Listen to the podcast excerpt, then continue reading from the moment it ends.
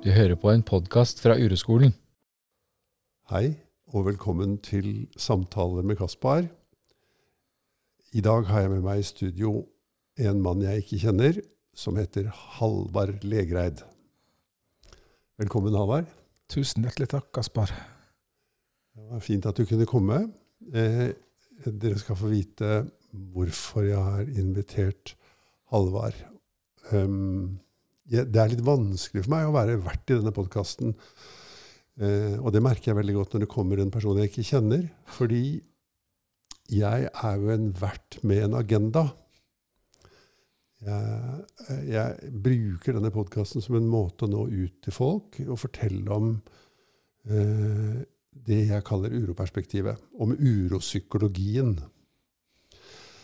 Og eh, det er, det er liksom vanskelig, for prøver, det, det, ender med at jeg kommer til å prøve å dytte på deg en bestemt forståelse. Og det syns jeg jo er litt Jeg har litt blandede følelser i forhold til det. Ja, det er noe jeg har tenkt på mye sjøl òg, det du tar opp der. Så, ja. ja.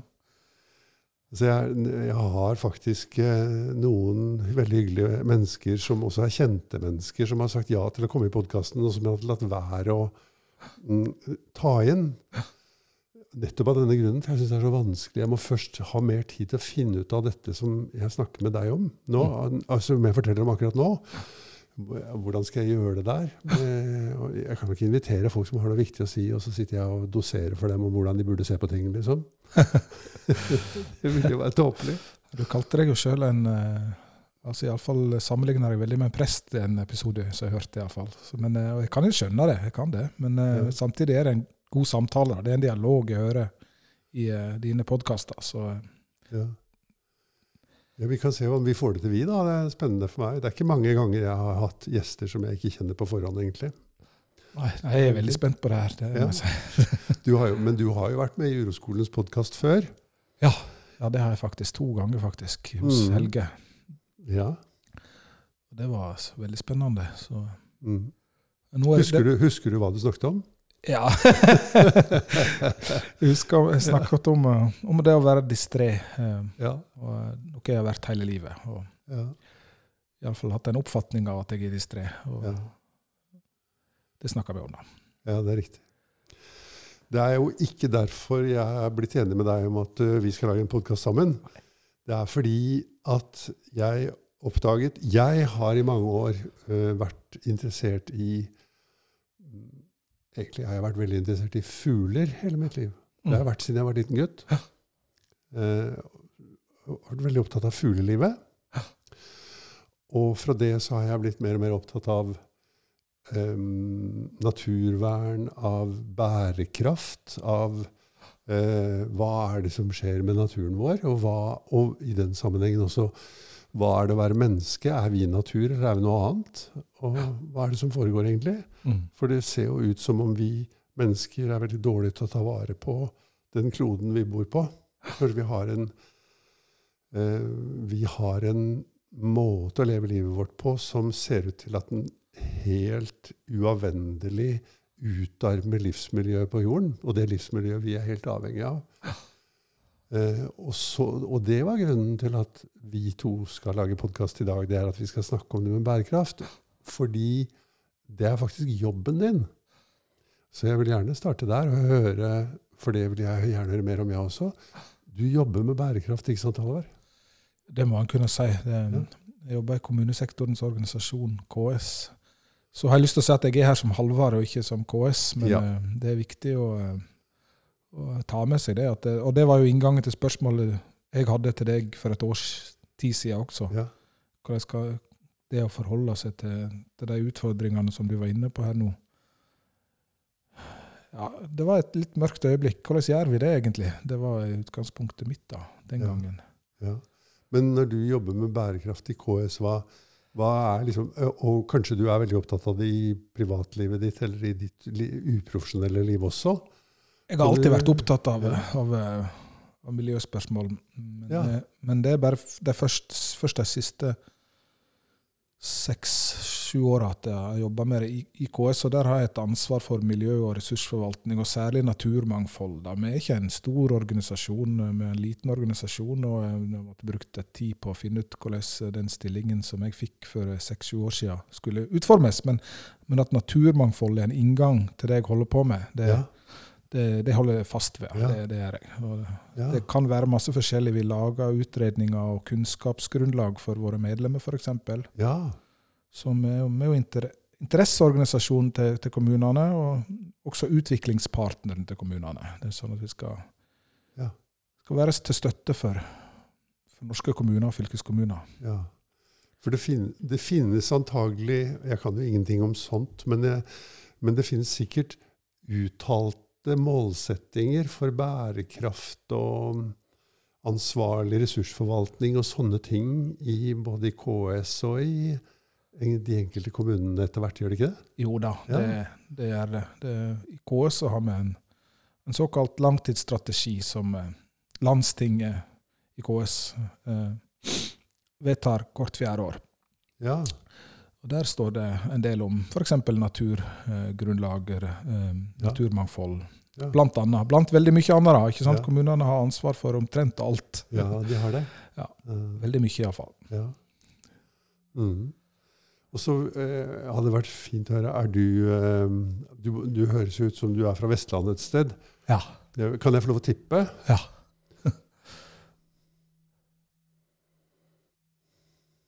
Jeg hørte på forrige podkast at jeg drev og knota, så det, jeg tenkte at jeg skal prøve å unngå denne episoden. her. Du er fra området Ørsta-Volda et sted. Ja, det er mange som sier det. Det er ikke langt unna i luftlinje, det er ikke det, men, eh, men du må lenger sør. Ok? Vil du prøve en gang til, eller skal jeg eh, røpe, røpe det? Jeg kommer fra Årdal i Sogn, helt innst i Sognefjorden. Årdal, ja. Ja, så jeg har vokst opp i et industrisamfunn med, Ja. med veldig rik natur. Og den spenningen på kroppen hele tida mellom eh, industri og vekst og, ja. og eh, ja, forurensning har jeg jo levd tett på i, i Årdal, og sett, sett det på nært hold. Ja. ja, for der var det et stort forurensnings... Ja. Eh, Det, det var, det husker jeg fra langt tilbake, Ja. egentlig. At det var at eh, naturen der bar tydelig preg av utslipp fra den fabrikken, eller Ja. de fabrikkene, eller hva det var. Ja, det er et aluminiumsverk. eh, Ja. Så det var når, når jeg vokste opp på 80-tallet, så var det en stor sak. Og, og Årdal Verk fikk veldig st- st- strenge krav på seg til å kutte utslipp. Og, og klarte det i veldig stor grad, da. Så det Ja. kommer veldig mye lenger. Det er fortsatt, eh, fortsatt utslipp, men det er på et helt annet nivå nå enn det var når jeg vokste opp. Så det, Ja. det er et sånt. Jeg kunne sagt mye om det, men vi kan kanskje Ja. snakke om det. Men det er naturen jeg jobber med, mer med da, eh, nå. Før det har jeg jobba med distriktsutvikling og regional utvikling, og sånn at, at den typen samfunn skal Mm. være livskraftige. Men det, Mm. naturen er en del av det. da, ikke Mm. sant? Så, Det er det. Så, men nå bor du her i Oslo. Er du familiemann? ja, jeg Ja. har to eh, flotte barn på eh, Ja. seks og tolv Nei, unnskyld, seks og åtte år. Seks og åtte år, ja. Og um, en flott kone som Så hyggelig. Ja. Eller hyggelig. Du vet hvordan jeg ser på det. Det er jo ikke alltid hyggelig, men det er, det er veldig fint å ha en partner og ha en familie. Men eh, ja, jeg har jo også en kone, og så har jeg en datter, og så har jeg et barnebarn. Mm. Og så har jeg flere bonusbarn og barnebarn. Ja. Så jeg liksom eh, har også en sånn noe som jeg ser som en forlengelse av meg selv inn i fremtiden, på en måte. Eh, og hva, hva, hva, hva, hva, tenker, hva tenker, du om, tenker du på det sånn? Ja, absolutt. og Det, det Når jeg begynte i KS for seks-sju år siden, så, så hadde jeg ikke helt sett for meg at det skulle røre ved meg såpass som det gjør. Og det å ha blitt far i den perioden har definitivt prega det. da.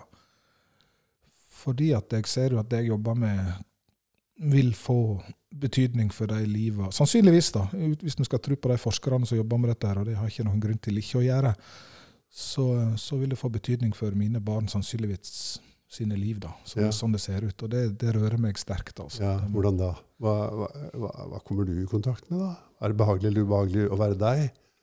Ja, det er sterk uro. Jeg husker når vi skulle lage en rapport, Når jeg tenker litt gjennom Altså, når vi skulle gå inn i disse utfordringene, og hva FN har sagt er utfordringene, så kjente jeg på en helt veldig tydelig eh, sterk uro. Uro er et veldig godt begrep knytta til det som jeg opplevde da. altså. Um, fordi at jeg så at dette var såpass tungt og vanskelig og utfordrende at, at bare det å gå inn i det kjente på som veldig ubehagelig og veldig uro. Jeg hadde mye uro knytta til det. Ja. Og det var en periode med pandemi og litt forskjellige ting også. Så ja, ubehagelig er det jo, selvsagt. Altså, ja. eh, jeg syns uro er et godt begrep. Ja, ja fint. Hva, kan du si noe om ja, eh, Hva er det Kan du prøve å konkretisere det? Hva er, sånn som du møter det i livet ditt, da, i forhold til familien din, og i forhold til når du ser ut i verden, for det er jo egentlig det du gjør fra det eh, både som privatmenneske og som jobbmenneske. Ikke sant? Så ser du ut i verden, så ser du på eh, ja, vår situasjon, menneskehetens situasjon, og jordklodens, eller, eller i hvert fall eh, habitatets situasjon. Ja, jeg har jo lært mye om det. Dette var jo ikke mitt fagfelt når jeg begynte. Jeg måtte lære mye og gikk ute på Ås og lærte en del om økosystemer sin eh, betydning for oss mennesker. Eh, Ja. Hva de gjør for oss, men også hva slags mangfold som ikke vi vet noe om, egentlig. Hvor stort det mangfoldet egentlig er. Ja. Så den der tanken, og det, den, det, det overblikket når du ser på, på hva som skjer da, og det fins ulike scenarioer, men, men at, uh, at jordkloden blir varmere, det, det, det blir jo målt. Det vet vi jo at det er kanskje to grader varmere i Oslo nå enn det var for uh, 20 år siden, sånn i gjennomsnitt. Og samtidig at art, antall arter og går ned i Norge, så har vi 4959 arter på rødlista.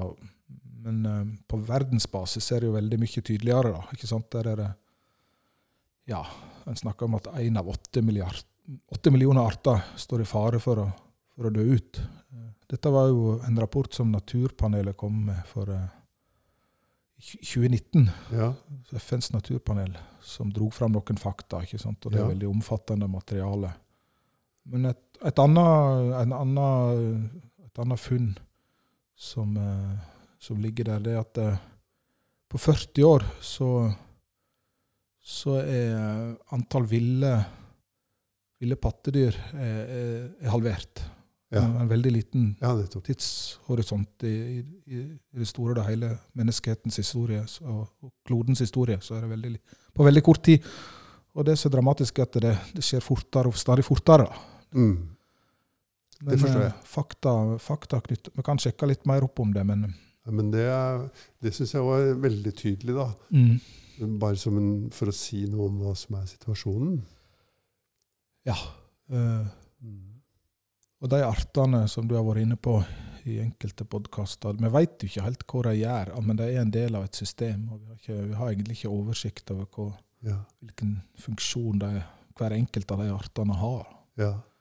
Og, men vi vet jo at vi får rent vann, og at vi får ren luft, og at vi får eh, at det blir lagra karbon gjennom naturen, og at eh, flomdemping altså det, gjør, det er en del tjenester som naturen gjør for oss. da. ja. Men i tillegg så, så har det jo en verdi i seg sjøl, og vi vet jo ikke Vi har ikke, har ikke oversikten heller over hva de er for noe, egentlig. Mm. Men eh, ja. Jeg føler et sånt behov for å Med en gang når jeg begynner å snakke nå, så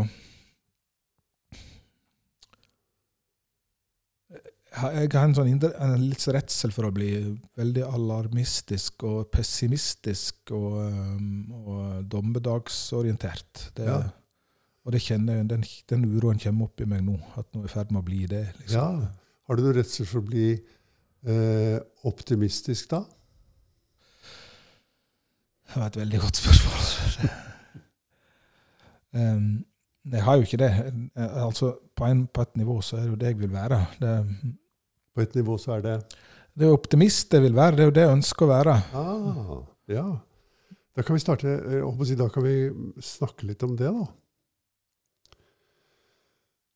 Jeg, skjønner, jeg tror du deler det med veldig mange, da. Det, det ønsket om å kunne være optimist, og være en velbegrunnet optimist.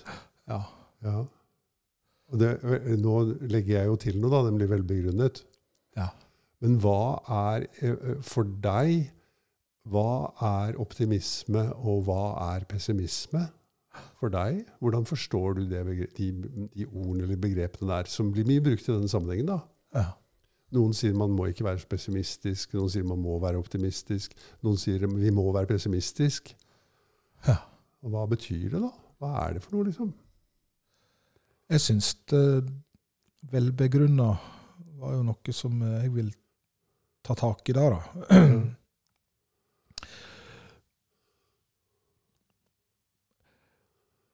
Du kan jo skille mellom håp og begrunna troa på, på at det skal gå bra. Ja. Håp, håp, håp, det tror jeg vi alle har. Det var du var inne på i en episode, husker jeg, at det, ligger der, på en måte. Det har, det har vi alle. Hvis du kjenner etter, så har vi det. ja. Det er jo viktig. Ja. Til og med i veldig, veldig vanskelige situasjoner har vi, har vi håp. Vi kunne kanskje si at det er noe som vi har kontakt med når vi snu, vender oss innover. Når, når ting er veldig vanskelig. Eh, eh, ikke sant? At det er noe vi har kontakt med. da. Mm. Og kanskje det er til og med noe som vi er noe av det siste vi har kontakt med før vi går over til den andre sida. Ja, Det har jeg hørt at du har mer erfaring med, og det er jo veldig spennende akkurat det. da. Det er det jo. Så jeg- er faktisk veldig opptatt er dette som er grunnen til at jeg vil snakke med deg om optimisme og pessimisme, og at, å skille det fra håp. For håp Mm. jeg tror, jeg tror ikke det lever mange mennesker på jorden som ikke har håp. Det, er, det lever nok en del som sier at det ikke er håp, Mm. Men jeg tror at håp er noe mennesket har, Mm. og som gjør at vi holder på. Ja. Hvis ikke hadde vi vel ikke holdt på.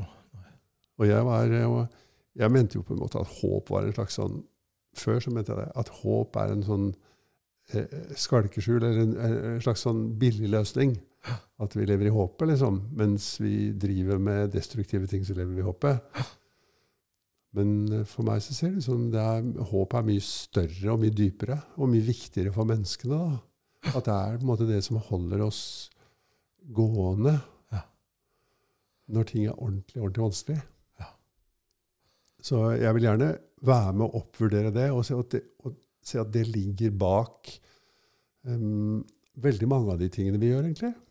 Ligger håpet bak. Og ikke minst når det gjelder sånne truende, mørke skyer som det vi snakker om nå.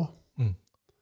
Og det er all mulig grunn til å hegne eller å, å gjenkjenne håpet og se på det som en veldig viktig hjelper for oss. da.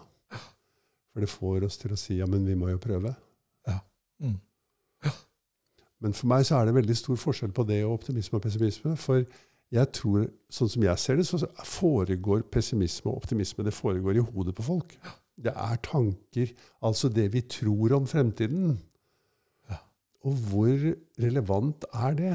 Hvor nyttig er det Mm. å legge vekt på hva vi tror om det? Mm. I- Og, jeg, og vi kan jo spørre oss om det, det er sikkert mye å si om det, men, men min erfaring er at det er ganske unyttig. da. Mm. Det er ganske forstyrrende. Ja. Eh, fordi det tar oss bort fra kontakten med virkeligheten og over i en tenkning om virkeligheten. Og en håp og pessimisme er kommentarer til virkeligheten. Mm. Det kommer til å gå, bra, det er en kommentar. Mm. Det kommer til å gå dårlig, det er en kommentar. Mm. Det er ikke eh, det, er, det hjelper oss ikke Mm.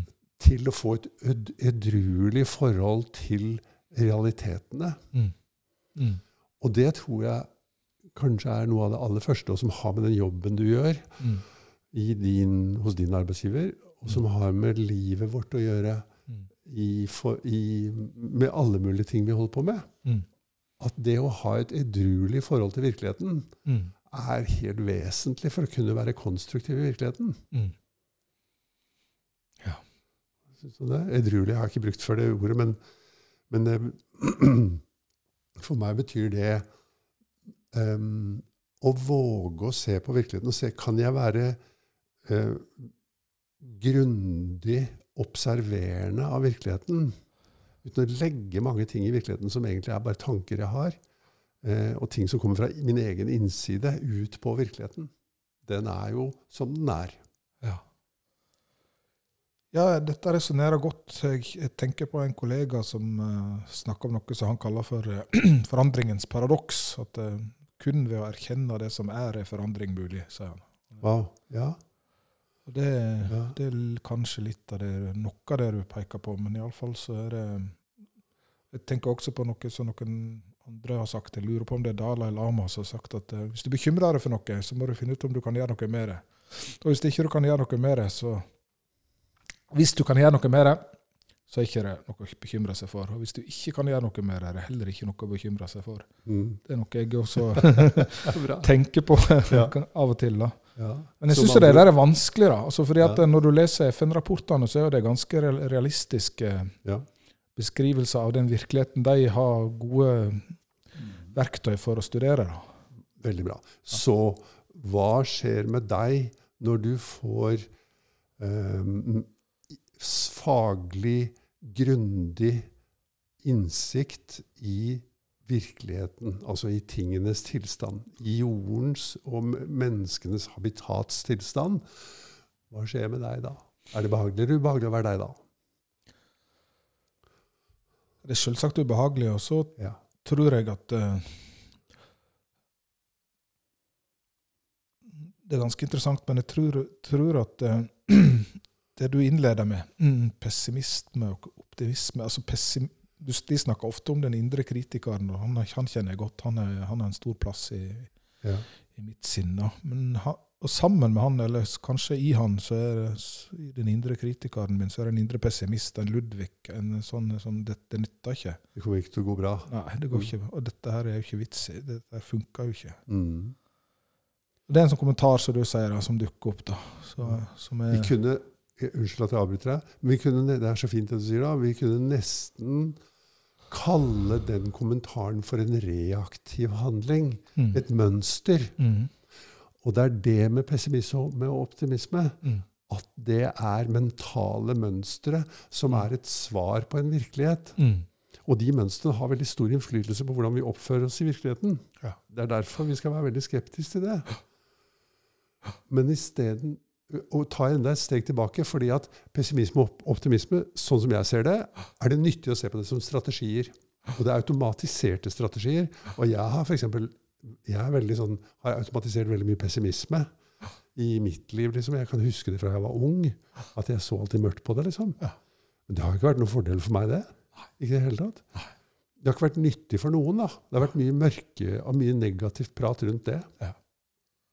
Så hvis vi bare legger det til side og sier at ja, vi har den typen reaktive mønstre, mentale mønstre, og vi prøver å flytte oss Ta enda et steg tilbake og se bare på selve det ubehaget vi kommer i kontakt med når virkeligheten er som den er.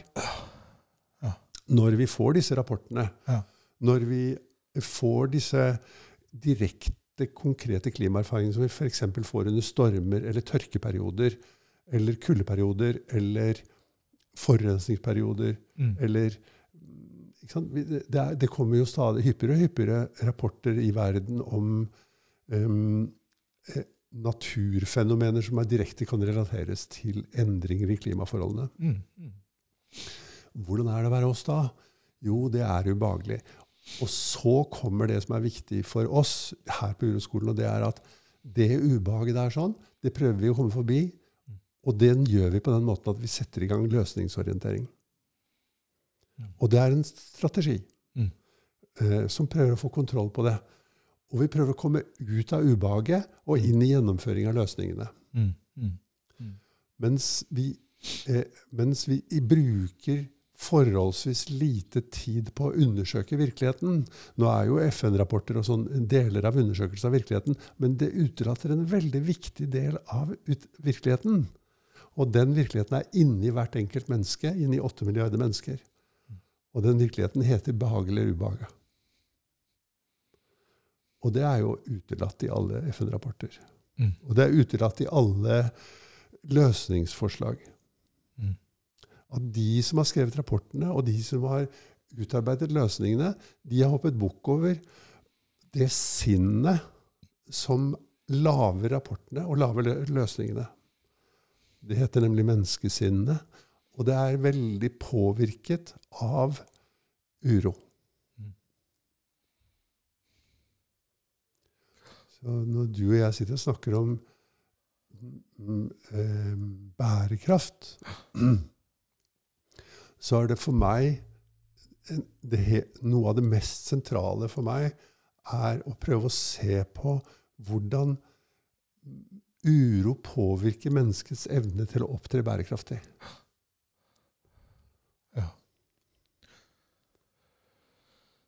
Ja, dette her er, er jo en variant av ting jeg har hørt deg sagt veldig mange ganger når jeg har hørt på podkast, og, som eh, åpenbart har truffet meg i og med at jeg sitter her, så, så er det noe som du sier der som, eh, som fortsatt gir gjenklang i meg. Og så er det jo en sånn indre kritiker som dukker opp her, eh, her også, da. Kommer Det er jo, det er jo, det er jo du, du er jo du er dristig, da. Altså, du du er jo Tar det jo langt, på en måte, med å, med å eh, Ikke bare Altså, du på en måte både, både spiseforstyrrelser og distraksjon og, og bærekraft, det, det koker du ned til uro, sier min indre kritiker her nå. Mm.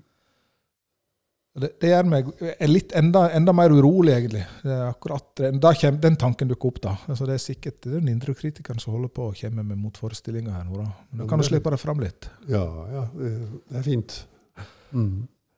Nei, jeg vet ikke, det, men, eh, men Ja, det er, eh, det er riktig, det, Halvard. Det er mitt forslag. Det er det er et eh, forslag. Ja. At, og det er bare et forslag. Ja. Det er ingen, verken jeg eller noen andre, som veit hvordan disse tingene er. Nei. Men vi trenger nye og friske forslag. Mm. Og vi trenger forslag som setter gammel tenkning i nye perspektiver. Ja. Det er jeg helt sikker på. Ja, det. Og de som ikke tåler det, Mm. de går baklengs inn i fremtiden. Mm. Og, og man må ta imot, man må gjøre alt man kan for å ta imot nye forslag Mm. med den aller største alvor og den aller største vilje til å undersøke kan det være noe i dette her. Mm. Og så kan jeg, det, Dette er mitt favorittforslag, liksom. Mm. Ikke sant? Ja. Ja. Eh, og, det kommer, og det er et ganske ungt forslag, på en måte. Det er egentlig ikke det. Nei, altså det, er jo ikke, det forslaget handler jo også om en beskrivelse. og Det er jo deskriptivt, da, det du kommer med. Det er jo, eh, sånn er det. Så det, er ditt, det er sånn det ser ut for, at, Ja. for deg at det er. Ja. Det er det du sier. Jeg liker veldig godt det du sier. da. Det er sånn det ser ut herfra. Ja. Eh, det er dette perspektivet. Og jeg kaller det for uroperspektivet.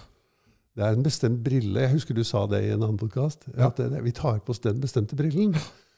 Og det er min jobb å ta på meg den brillen. Eh, og det er en oppgave jeg har tatt på meg. Og skal vi se om det kommer noe nyttig og spennende og morsomt ut av det. Ja, det gjør jo det for meg, iallfall. Ja. Så, øh, så jeg øh, vil si det at um, altså De som har hørt på podkastene før, de vet jo hvordan dette resonnementet går. Men, men eh, veldig enkelt så går det slik at når menneskesinnet er urolig, så betyr det at mennesket i mye større grad enn vi liker å tro, er styrt av vegetative prosesser, dvs. Si automatiske prosesser i nervesystemet. Og de prosessene eh, får oss til å gå inn De får oss til å utfolde oss innenfor veldig snevre rammer, og de rammene kaller vi for overlevelsesmodus. Og det, og det betyr når vi er urolige, så, så får vi først og fremst tilgang til ressurser som handler om overlevelse. Mm. Og de ressursene er et, et navn på de ressursene er fight, flight, freeze. Eller tre navn, da. De er Mm. fight, flight, freeze. Mm. Det betyr, at, og det betyr å slåss, eller det betyr å flykte, eller det betyr å stivne. Mm. Og det betyr at eh, eh, menneskets ressurser går med til ofte flere av de strategiene samtidig, Mm. og vekslende. Men det er veldig mange andre strategier som nærmest bortfaller. Mm. For eksempel, hvis du tenker at du er veldig redd, hvor mye humor har du da? Ja. Nesten ikke noe. ikke sant? Nei. Eller hvor mye musikalitet har du? Eller hvor mye ledighet og vitalitet har du i kroppen din?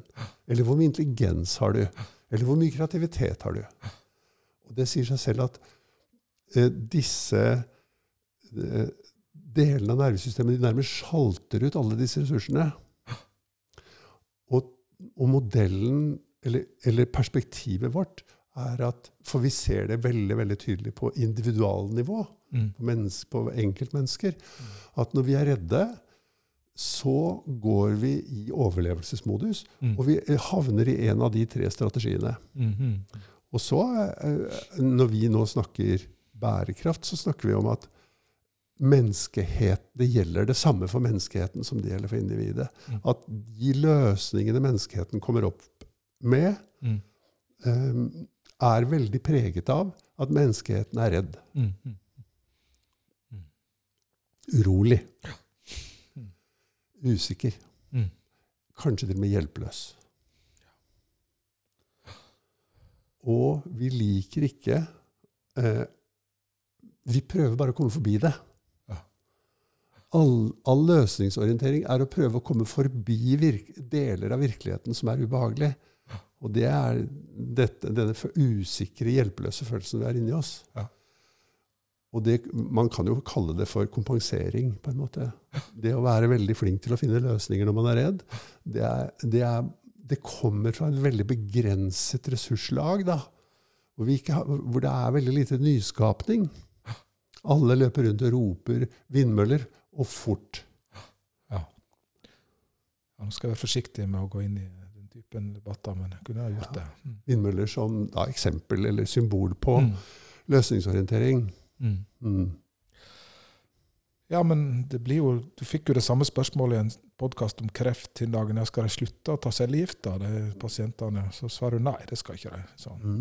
Men, det, men, det, er en annen ting å, å, jobbe med her, og det er uroen. da. Det var det. Ja, men Jeg kunne godt svare motsatt. Godt, ja, Det kan de godt. Ja. De kan godt slutte med cellegift. Det må bli opp til den enkelte. Ja. Jeg tror at det kan være et like godt alternativ. Det er lett å se det, egentlig. Jeg har snakket med mange folk jeg som har hatt kreft, og som har sagt, og som har vært døden nær, ja. og som har fått cellegift, og som har sagt Hadde jeg visst hvor omfattende skadevirkninger disse medisinene gjør, så ville jeg heller levd gjennom kreften til jeg døde. Det kan man jo si i ettertid. Det kan man ikke vite på forhånd. Og det er kanskje håpet som får oss til å gå inn i det, pluss en massiv påvirkning fra en industri. Men menneskeheten kan ikke gjøre det og, og si at uh, disse problemene her, de skal vi ikke prøve å finne løsninger på. Altså, Det er ingen politiker som blir valgt, i alle fall, selv om kanskje Jeg vet ikke. kanskje han har ikke, Det er ingen som har prøvd det, iallfall. Nei. Så, og det er heller ikke mitt forslag. da. Men mitt forslag er jo at noen begynner å snakke om hva det egentlig vi driver med.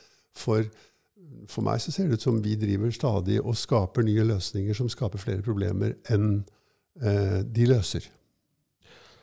Akkurat det har vi vært opptatt av i KS også. Det, det kan ja. jo framheve en sånn rapport som vi, lagde der, som handler om at eh, at hvis du prøver å redusere utslipp, så, så, eh, så kan det skape andre problem, f.eks. For, for naturmangfold, eller for evnen til å tilpasse seg et klima i endring, f.eks. Ja.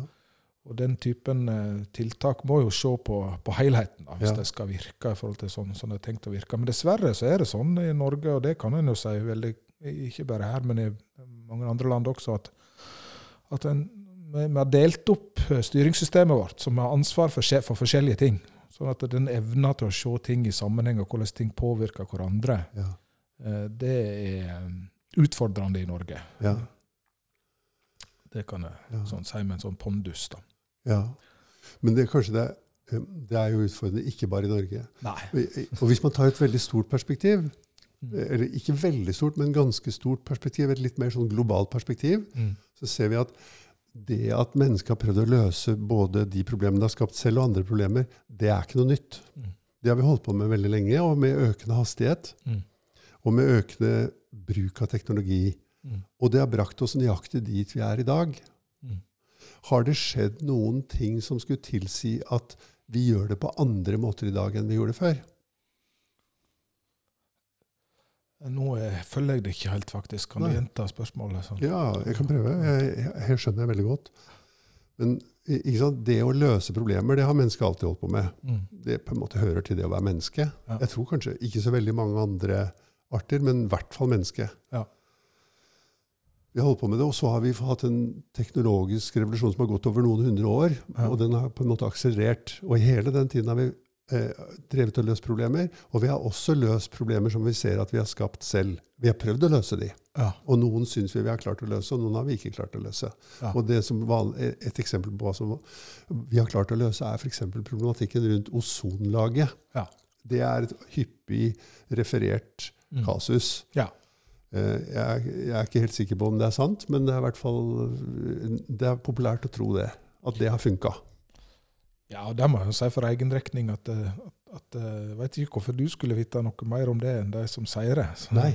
Nei, og jeg veit ikke det heller. Jeg bare vet ikke om det er sant heller. Nei. Men, jeg, men jeg, jeg er veldig glad hvis det er tilfellet. Men eh, det jeg vil frem til, det er at den samlede effekten av det menneskeheten har gjort for å løse problemene på jorden, er det vi står i i dag. Mm. Hvordan syns du det går? Det er jo det som De tankene om hvordan det går, som, eh, som skaper utfordringer for meg, da. Eh, Ja. eh, Så, så jeg er jo bekymra for det. Jeg bruker altfor mye krefter på å bekymre meg for det. Ja. Referert til det vi skal snakke Så- om. Apropos Dalai Lama, da. Så kanskje vi skal se om vi kan legge det til side. For vi kan ikke legge bekymringen til side, men vi kan okay, jobbe med bekymring. Mm. Og så kan vi jobbe med å se på virkeligheten Mm. i tillegg. For, for å jobbe med bekymring ganske enkelt. Det er å flytte oppmerksomheten fra våre forvirrede tanker om virkeligheten til virkeligheten. Mm. Det vel ofte eh, For bekymringen, hvor foregår den hen? Sånn som du ser det? I tankene. Det foregår i tankene. Ja. Og, og hva skjer i kroppen når det er for bekymrede tanker? Min kropp spenner seg iallfall, og Ja. eh, gjør at jeg blir anspent. Ikke sant? Mm. Eh, eh, trykk, sug, ubehag, Mm. uro. Mm. Mhm. Mm. Så jeg tror at når, når vi er bekymra, så er det veldig nyttig. Det er min private erfaring, og det er også min erfaring som en som snakker med veldig mange mennesker om dette, det er at det er nyttig å flytte oppmerksomheten fra bekymringen til uroen. Ja. At det i seg selv har en god effekt. Mm. Mm.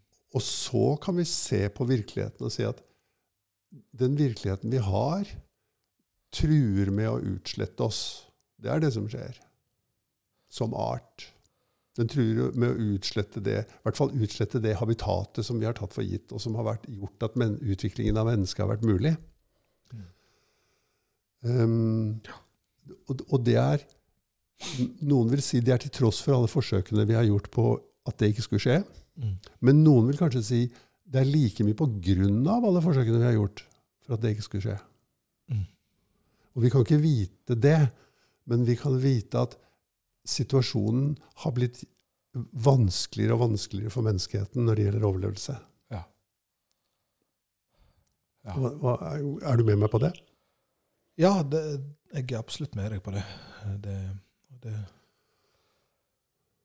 det Så- det var bakgrunnen for den e-posten jeg skrev til deg for et år siden. Ikke sant? Ja. Jeg tror at det vil være veldig nyttig da, hvis vi stopper opp der og sier bare Hvis vi et øyeblikk kan gi litt mer plass til den, eh, til den prosessen vi er i, eh, eh, istedenfor på resultater. Mm, mm. Så at det, ja, det er en vanskelig situasjon. Hvordan er det å være oss?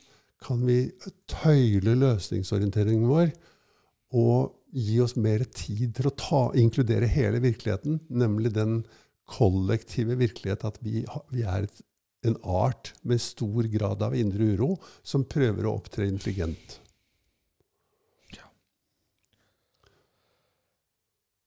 Ja, det, jeg bruker mye tid på akkurat det, så jeg, jeg må jo bare si ja til det. Men det, samtidig er det, har jeg mange tanker rundt om det er verdt det strevet som jeg holder på med, knytta til det. Og, og det, det går jo på at eh, er, det noen grunn til å Altså, hva er det du ser for deg, da? Skal vi alle Uroskolen er en ganske liten eh, Mm. Nesten kaller det menighet, nesten. Mm. Noen gjør jo det. Eh, ser du for deg at den skal vokse og redde verden? da? Altså, det blir veldig sånn nesten ja. Da, da melder det seg sånne litt vanskelige ord i mitt hode når en sier sånne, sånne ting. Hvor, hvor, Hvorfor skal dette redde Ja, dette er jo litt sånn Hva er det som gjør at du blir optimistisk på vegne av det perspektivet sine, sine potensial på kloden sine vegne? da? Jeg prøver jo alt jeg kan ikke være optimistisk på vegne av det perspektivet. da. Jeg prøver, jeg prøver å isteden gjøre noe som jeg syns er interessant, Ja. og som for meg har noe med sannheten og virkeligheten å gjøre. Mm. Og som har noe med kjærligheten å gjøre for meg. Mm. Eh, jeg er ikke opptatt av å redde kloden eller menneskeheten. Yes. Ikke, i- det hele tatt. Nei. Jeg har vært det, men jeg, det, har jeg, det har jeg kastet helt Men du er opptatt av fugler? Jeg er opptatt av fugler, ja. Men jeg er ikke opptatt av å redde verdens fugler. Men jeg er opptatt av eh, Kan vi utvikle menneskenes potensial maksimalt mens vi er her? Det er jo bare et tidsspørsmål hvor lenge vi skal være her. Mm. Når vi ser litt større på det, så ser vi at det, ja, men det er relativt kort tid også. Mm. Til og med hvis vi får kontroll på klimaet, er det relativt kort tid. Mm. Ikke sant? I et kosmisk perspektiv. Mm. Men det som er helt sikkert, er at vi er en unik art på jorden. Mm. Det hadde vært utrolig kult å utvikle den arten til å nå sitt potensial. Mm. Og at man gjorde det som et viljesarbeid, mye mer enn som en tilfeldighet. Om det var mulig. Jeg vil også stille spørsmål. Kanskje ikke det er mulig Mm. å utvikle en art på den måten. Mm. Men kanskje det er mulig. Og, og jeg, jeg legger helt til side ideen om rasehygiene for den saks skyld. ikke sant? Altså at vi skal få det til gjennom avl. Det tror jeg ikke noe på. Men uh, Jeg er ikke interessert i det aspektet ved det, men jeg er veldig interessert i det aspektet ved det som han, handler om læring. Mm. Fordi at jeg kommer fra en terapeutisk bakgrunn. Mm. Og jeg har jobbet 45 år som terapeut, og jeg har slutta med det. For jeg anser ikke det som sykdom, noe av det vi snakker om. Jeg anser det som menneskets normalfunksjon. Mm. Og at hvis vi skal utvikle menneskene, så må vi satse på læring og ikke på terapi. Terapi er håpløst, ineffektivt og dyrt. Det er nesten ingen mennesker som kan holde på med det.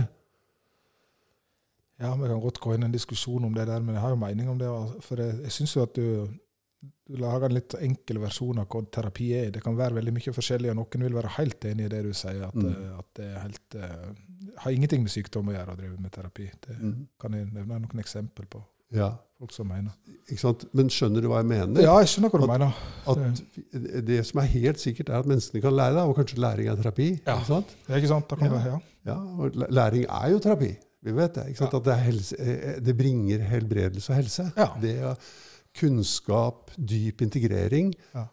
det bringer eh, mange positive ting for mennesket. Ja.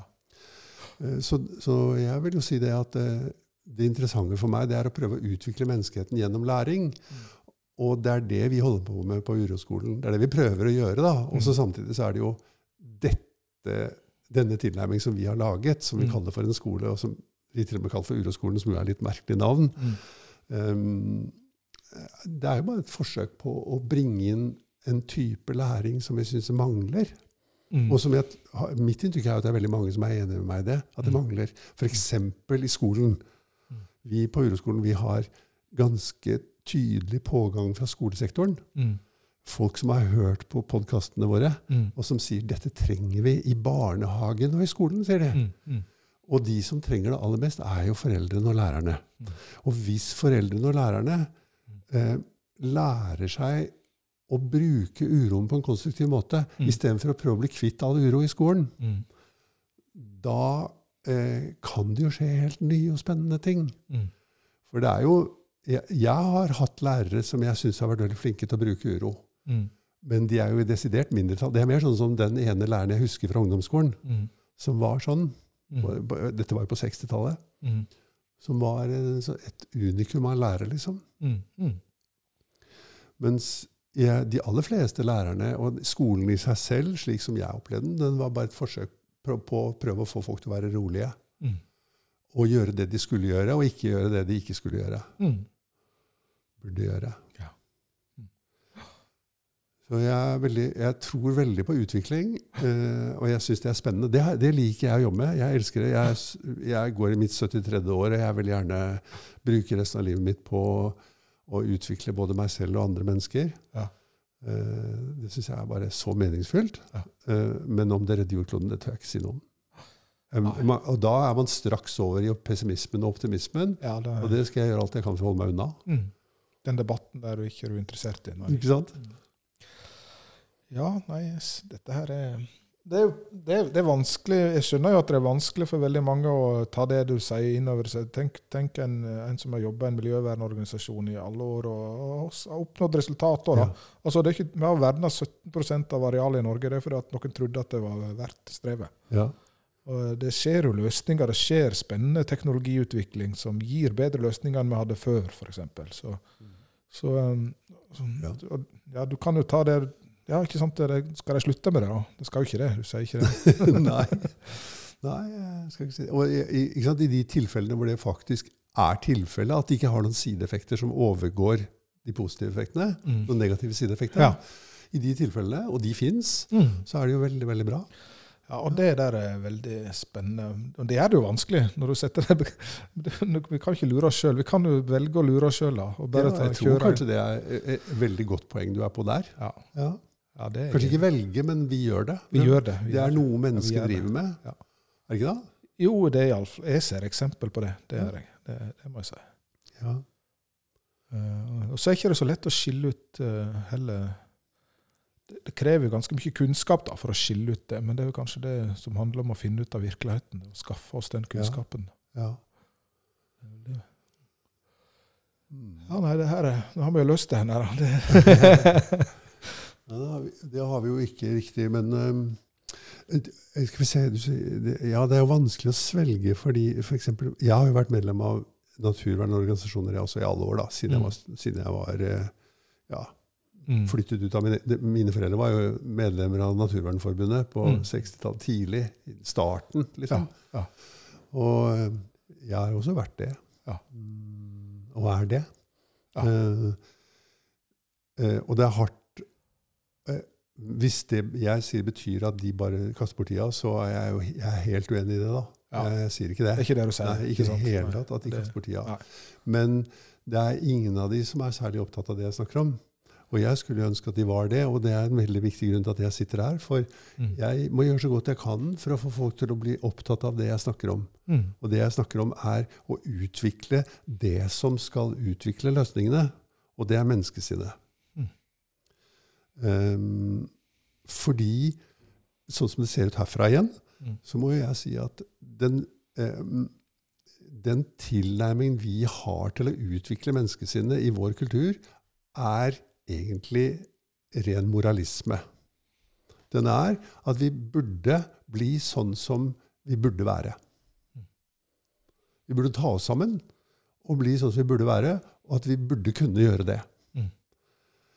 Og så er det min erfaring at det hjelper veldig lite å mene at vi burde kunne gjøre noe som vi ikke kan. F.eks. hvis jeg sier at du burde kunne spille piano. Hjelper mm. det på å kunne spille piano? Nei. Kan det til og med være at det gjør det vanskeligere å lære å spille piano? Absolutt. Det er nettopp det. Mm. At den det, og, det, og, det, er ikke fordi at mennesker er dumme at vi har en slik normativ eller moralistisk tilnærming til menneskelig utvikling. Mm. Det er fordi at menneskesinnet er sånn. Så vi må på en eller annen måte løfte oss ut av sinnets mønstre, mm. som alltid er å forsøke å bli sånn som man tror man burde være. Mm. Og Fins det andre måter å utvikle seg på enn å etterligne det, det, um, ideelle? Og jeg vil jo hevde at uroperspektivet er en slik måte. Og, vei, og den måten går gjennom uroen. Den går gjennom uroen istedenfor å prøve å komme forbi uroen eller bli kvitt uroen. Så jeg, meg, jeg, vet ikke om vi har klart å vise det fremfor de som hører på oss. Og kanskje du og jeg er nødt til å lage flere podkaster om dette her. fordi at hvis vi kan få folk til å skjønne det vi snakker om nå, og de ser at ja, det, er noe, det, er noe, der som jeg tror vi må jobbe mye mer med, mm. så kunne det jo komme noe interessant ut av det. Kanskje det er noen mennesker som sier ja, det var, kanskje statsministeren ikke sant? Jonas hører på oss nå, mm. eller vil høre på oss etterpå. da. Så sier mm. De der folka der, de er inne på noe. ikke sant? Mm. Jeg vet ikke om han hører på podkast, men det hadde vært gøy. Jeg fikk jo med meg at han, eh, han tar kalde dusjer om morgenen. Så han, ja. er, han er, søker inspirasjon, han som andre ja. folk. Så. Ja.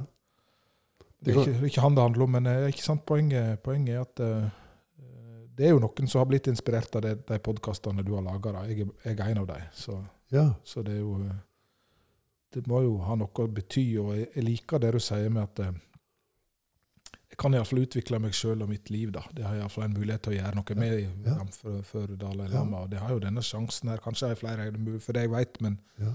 men jeg veit iallfall at jeg har dette livet. da. Det, Ja. Ikke sant? Og jeg vet i hvert fall at jeg har nå. Nå. Jeg har akkurat nå. Det er egentlig det eneste jeg vet. Jeg vet ikke engang om jeg har resten av livet, for, jeg, for det fins ikke. Det er en tanke. Resten av livet er en tanke, eller en idé. Mens det som fins, og som vi vet at vi har, det er nå. Fremtiden er en tanke. Og det, den tanken gjør oss redd. Jeg har jo jobba mye med Det er jo mange som sier at du må være til stede her og nå. og Det er liksom. Det, det er jo en måte å sinnet fortelle at ja, sånn bør jeg være. Det er jo en annen fortelling om hvordan jeg bør være der. da. Kan Mm. bli det, iallfall. Ja. Men, eh, Det kan det bli. det er noe jeg har likt med, med uroskolen og urotilnærmingen. at nei, Glem det der. Kjenn på hvordan du har det nå. Hvis det er ubehagelig, så, så kjenn på det. og Ikke, tenk, ikke, prøv å, ikke prøv å være til stede her og nå. Mm. for da, Det er en annen tilnærming som jeg har prøvd. Men jeg har mer nytte av å, å kjenne å ja, der, der har jeg en uro, ja. Der var den. Den sitter der. Det, så jeg har hatt mye, mye utbytte av, for så langt av, av tilnærmingen din. Og, men det, det gir noen problemer òg. Altså, Jeg er veldig interessert i å høre om det, jeg. Ja. Mm. Jeg veit ikke. Det har noe med Alt du trener på, alt du har fokus på, vokser. Hvis jeg har fokus på min smerte og det som gjør vondt, Mm. så blir det kanskje Folk sier til meg at du ser så lei deg ut. kan jeg Mm. si, for eksempel. Og det, det har jeg jo rett i. Og det andre er at det, ikke sant, hvis du trener på jobb, jobb eller hva det måtte være, hvis du trener på på å lese, lese mye og lese fort, da, så blir du god til å lese, lese mye og lese fort. Og, så jeg Ja. lurer på om jeg har blitt dårligere til å lese fort i den perioden jeg jobba med. Det var en tanke jeg fikk, iallfall. Ja. Men du, kan vi ta det først? Det du sa, eh, det vi trener på, det vokser. Mm. Sa du. Er det din erfaring at hvis du trener på å bli god til å være sammen med det ubehagelige i kroppen din, så vokser det? Ja. Er det det? ja, det er min erfaring. Mm, det var interessant, for det er ikke min erfaring. OK. Mm. Ja, det er spennende. Jeg Det er det motsatte av min erfaring. det må vi nøste litt i. Det, ja. Hva sa du? Ja, det må vi nøste litt i. Ja. Eh, og, tre, og da snakker jeg ikke om for jeg sier, Hvis vi trener på å være sammen med fortellingen om det som er vondt, så vokser det. Og den fortellingen er i hodet vårt. Ah, ja, men da, da snakker vi litt forbi hverandre. Ja, Så, ja. Det er derfor jeg presiserer det. Mm. For jeg spurte deg, er det slik, er det din erfaring at hvis du trener på å være sammen med smerte eller uro slik den er i kroppen, så vokser den. Og da snakker jeg om det vi kunne kalle sjelelig smerte, eller uro, eller eller følelsesmessig smerte i kroppen. Han blir iallfall mer framtredende for meg, da, og kanskje for andre også. Eh, Mhm, når man vokser, det er jo et annet spørsmål, egentlig. ja. Ikke, har du lest den boka som heter 'Kampen mot uroen'? Ja. Ja. For i den boka så har jeg tegnet Det er én illustrasjon i den boka, og den har jeg laget. Og den er veldig, veldig enkel. Og den er en sinuskurve. Og den er når du går Min erfaring er nemlig at når du går inn i det i, i f.eks. frykt slik du kjenner den i kroppen din, Mm. og våger å føle den, da vil den kanskje til å begynne med, før du har lært deg det, stige til, helt til starten. Mm. Altså Når du nærmer deg den, så vil den kjennes ut som den blir enda større. Men så fort du har lært deg å føle den og være sammen med den, så vil den snu, og så vil den avta. Og da vil den legge seg på et lavere nivå enn inngangsnivået. Mm. Og når du gjentar det over tid, så vil du ha lært en helt vesentlig ting, og det er at frykt ikke er farlig. Og du vil ha lært deg måten å håndtere den på, nemlig å føle den i kroppen din. Mm. Men det, jeg vet ikke om det er ulike steg i det er ikke sant, Dette er en prosess. Det er ikke sånn at det plutselig så kan du det her, og så, så da vil forsvinne det. Sånn Mm. har jeg aldri hørt deg heller. ikke sant? Mm. Det er ikke noe som forsvinner. Nei, ingenting forsvinner, men, men du, du blir lettere Det avtar, har du iallfall brukt som et begrep. Ja. da. Det avtar Mm. i styrke. Det Ja. har du sagt, iallfall. Ja. Og som trussel avtar det. Ja, det er vel kanskje det viktigste for Ja. meg, iallfall. At, Ja. at jeg blir mer kjent med det. Og da blir jeg og det han, For eksempel når jeg blir mer kjent med min indre kritiker, så, så får han mindre makt over meg. da, for. Ja. At jeg kan sette han mer på plass. og å stå i de kritikerangrepene som, eh, som jeg setter i gang mot meg sjøl. Mm. Liksom. Eller hva som setter i gang. Nei, jeg vet ikke hva det er. Noe er det iallfall. Ja. Ja, nei, men eh, det der er jo det, men, men jeg har nok en en en oppleving av at, at, mm, at smerten trer tydeligere fram for meg, og, og får dermed bli Får en større plass i meg, da. Iallfall på, på den veien jeg er på nå. ja. Eh, og Det er en fin måte å si det på. ja, det, Ja. det er jo ikke ferdig med dette. Det, Nei. Det kan vi si. Eh, Ja, smerten får en større plass i meg. Ja. Og det som gror samtidig med smerten, er noe vi kunne kalle smertehåndteringskompetanse, i et Mm. enkelt ord. Mm. ja, det Jeg tror på deg, altså. Det, jeg har erfaring for det at eh, At jeg har fått sove bedre, f.eks. Ikke, ikke det at jeg ikke våkner om natta, men, men den uroen som da kommer, den har en, en kompetanse til å håndtere nå. eh, Som jeg ikke hadde før jeg begynte med det opplegget her. Men hvorfor er det viktig å sørge for at smerten vokser i menneskene? Har jeg uttrykt meg sånn? Jeg, jeg tror ikke det er viktig. eh, Jeg tror det er viktig. Ja. Du har ikke uttrykt deg sånn, men jeg, du har uttrykt deg at den gjør det, du. Og så Ja. sier jeg hvorfor er det viktig at den gjør det? Hvis jeg skal prøve å sette meg inn i og, og følge dine tankerekker, så, så er det jo der ressursene ligger. Da. Det er vel sånn du ofte uttrykker deg. Ja. Det er litt vanskelig å få tak på hva det er, men jeg kan jo erfare noe av det sjøl. Det kan jeg. Men det er riktig, og en av de første ressursene som kommer gjennom at vi våger å ta smerten, all smerte innover oss, Mm. er medfølelse både med oss selv og andre. Og hvis det er noe som trengs i verden, så er det det. Og jeg tror at eh, Og medfølelse er en ressurs som åpner seg for oss gjennom å våge å føle smerte. Og det er ingen behagelig ressurs. Det er ingen som på en måte kan si at de ønsker seg medfølelse. Det er veldig ubehagelig å kjenne andre menneskers smerte. Men noe av problemet for menneskeheten er jo at vi har så stor evne til å fortrenge, og at vi har så stor evne til å kutte ut og holde det unna oss. da. Mm. Hvis vi kjente andre smerte veldig godt, Mm. så ville vi bry oss mer også. Mm. Så derfor så er det ikke så dumt at Hva var det du sa? At smerten får større plass i livet mitt.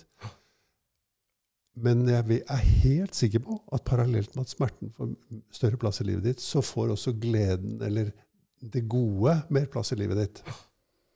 Ja. Fordi at depresjonens natur da, og menneskesinnets natur er å prøve å holde smerten unna. Og, svaret, og, og eller konsekvensen av det er at vi holder også eh, gleden og det, og det gode unna. Mm. Du kan ikke velge det ene fremfor det andre. Mm. Og gjennom at vi våger å ta smerten inn, så kommer vi også til å ta gleden inn. Mm. Og derfor så vil det gi Og det er bare et rikere liv, det. Det er, det er høyere eh, kur, svingningskurver, ikke sant? Mm. I motsetning til depresjonen, som er ja, Hvis den er ille nok, så er det nullsvingningskurve. Mm. Det er flatt. Ja. Og hvis det er noe som trengs, så er det at mennesket eh, våger å feire livet og ser hvor umistelig og dyrebart livet er mens vi har det. Eh, og at vi da får, gjennom det også får motivasjon til å arbeide med det det er nødvendig å arbeide med, istedenfor bare å prøve å gå utenom hele tida. Den satt. Ja, det, det, nå følger jeg veldig. Det, jeg forstår hva du Jeg kjenner at jeg har lyst til å høre denne episoden opp igjen etterpå, for her er det mange ting som dukker Ja. opp på kort varsel. Ja. Som, Ja, men det, det skal du i hvert fall få. Ja. men jeg har veldig lyst til at vi skal fortsette den samtalen flere ganger. ja, det Vi bare er prøver, liksom. så bra. Ja, det er jo veldig spennende. Ja, Jeg føler meg jo beæra for å få muligheten til å være med. Så. ja det gjør jeg også. Og så er det bare to små karer som sitter her og prøver å gjøre så godt de kan. Vanlig duster, det, Ja. det, det treffer meg. Tusen takk for at du kom i dag. Tusen takk. Gleder meg til neste gang. Så bra. På Uroskolen har vi både mannsgrupper og kvinnegrupper.